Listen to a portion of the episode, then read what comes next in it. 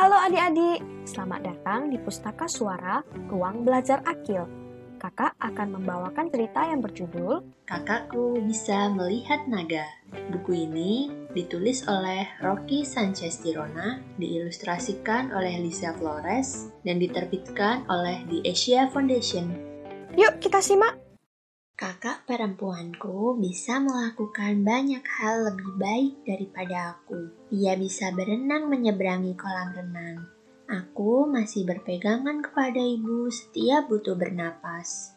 Kakakku bisa membaca banyak buku, bahkan buku dengan ratusan halaman.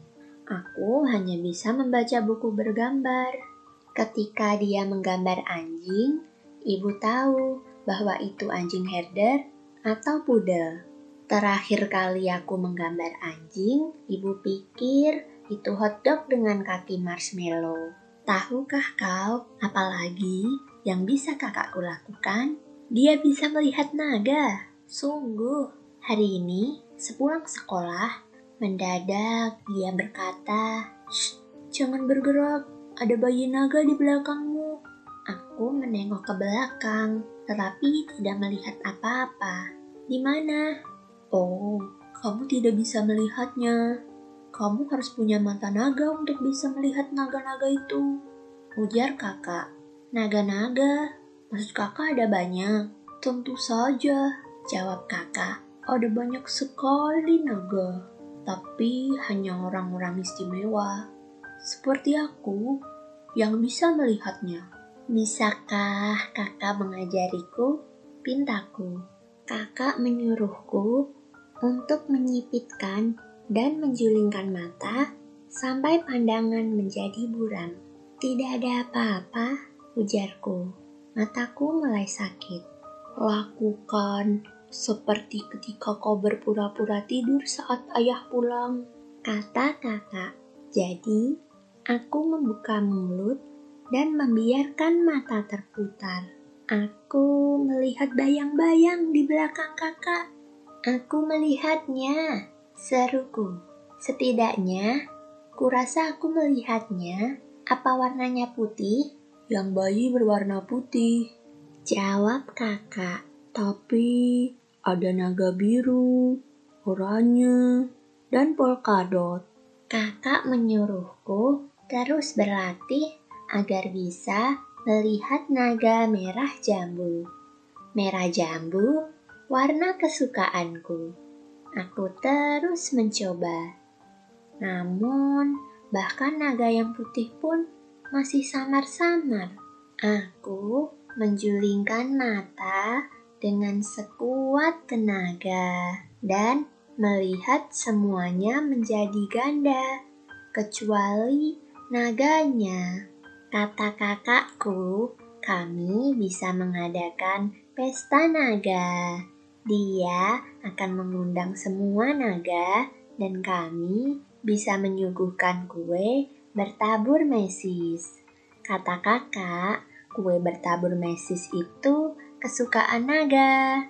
Kami menata meja dan aku mengeluarkan boneka kadal. Kupikir para naga akan senang bertemu dengan salah satu sepupu mereka.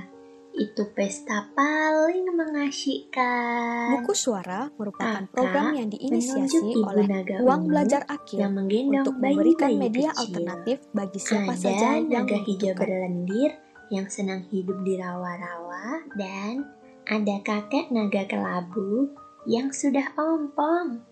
Jadi, orang tidak perlu takut kepadanya. Hanya ada satu masalah kecil. Aku masih tidak bisa melihat apa-apa. Namun, aku tidak ingin kakak tahu. Hanya ada satu masalah kecil. Aku masih tidak bisa melihat apa-apa. Namun, aku tidak ingin kakak tahu. Lihat, naga kecil itu menari. Kata kakak, aku lalu melompat. Oh, bolehkah aku menari bersamanya? Aku bisa balet. Tidak, tidak, tidak. Dia di sana. Kata kakak menunjuk ke seberang kamar. Tidak bisakah kau melihatnya? Air mukanya mulai menunjukkan tanda-tanda hendak mengatakan bahwa aku terlalu kecil untuk bermain bersamanya. Jadi, lekas-lekas aku berkata, "Iya, aku melihatnya. Aku hanya tidak menyangka naga bisa pandai menari. Saat waktu tidur tiba, kakak berkata, sudah waktunya para naga pulang. Dia berseru, Selamat tinggal nyau-nyau, selamat tinggal anak-anak, selamat tinggal penggerutu. Kemudian mereka pergi. Namun, aku masih tidak bisa melihat mereka. Kemudian, kakak mengatakan sesuatu yang membuatku khawatir. Sepertinya kita harus berhati-hati. Kadang-kadang naga jahat juga datang. Mereka mungkin tetap tinggal setelah naga-naga yang baik pulang. Jadi, dia melongok ke kolong tempat tidur kami, ke atas rak buku, dan ke dalam keranjang cucian. Lalu mengatakan semua tempat sudah bebas naga. Oke, sekarang aku mau tidur. Selamat tidur adik, katanya. Dia menyelimuti kepalanya, lalu langsung tidur. Itu satu hal yang bisa dilakukan kakak dengan lebih baik daripada aku. Dia bisa tertidur begitu memejam. Namun, aku terbaring, terjaga sambil memikirkan naga jahat. Bagaimana aku akan melindungi kami dari naga kalau aku tidak bisa melihat mereka? Lalu, aku tiba-tiba mendengar suara gemerisik dari balik pintu kamar mandi. Oh tidak, kami lupa memeriksa tempat itu. Aku lalu membangunkan kakak. Kakak sulit dibangunkan. Jadi, aku menduduki perutnya dan berteriak dengan sangat nyaring di telinganya. Kakak, bangun! Dia membuka sebelah matanya. Ada naga jahat yang bersembunyi di kamar mandi.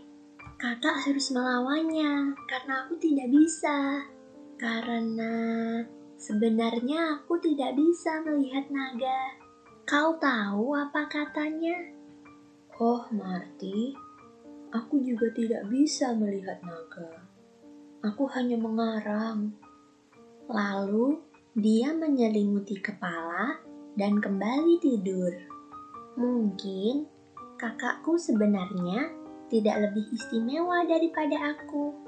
Mungkin jika berusaha lebih keras, aku bisa berenang melintasi kolam renang juga, seperti kakak. Dan aku juga akan bisa menggambar anjing. Dan mungkin, hanya mungkin, kalau terus berlatih, mungkin aku juga akan bisa melihat naga. Lagi pula, hanya karena kakak bilang dia mengarang, bukan berarti naga tidak benar-benar ada, bukan? Cerita ini dinarasikan oleh Kak Yuliana Evitasari dan disunting oleh Kak Setio Wahinugroho. Buku Suara merupakan program yang diinisiasi oleh Ruang Belajar Akil untuk memberikan media alternatif bagi siapa saja yang membutuhkan.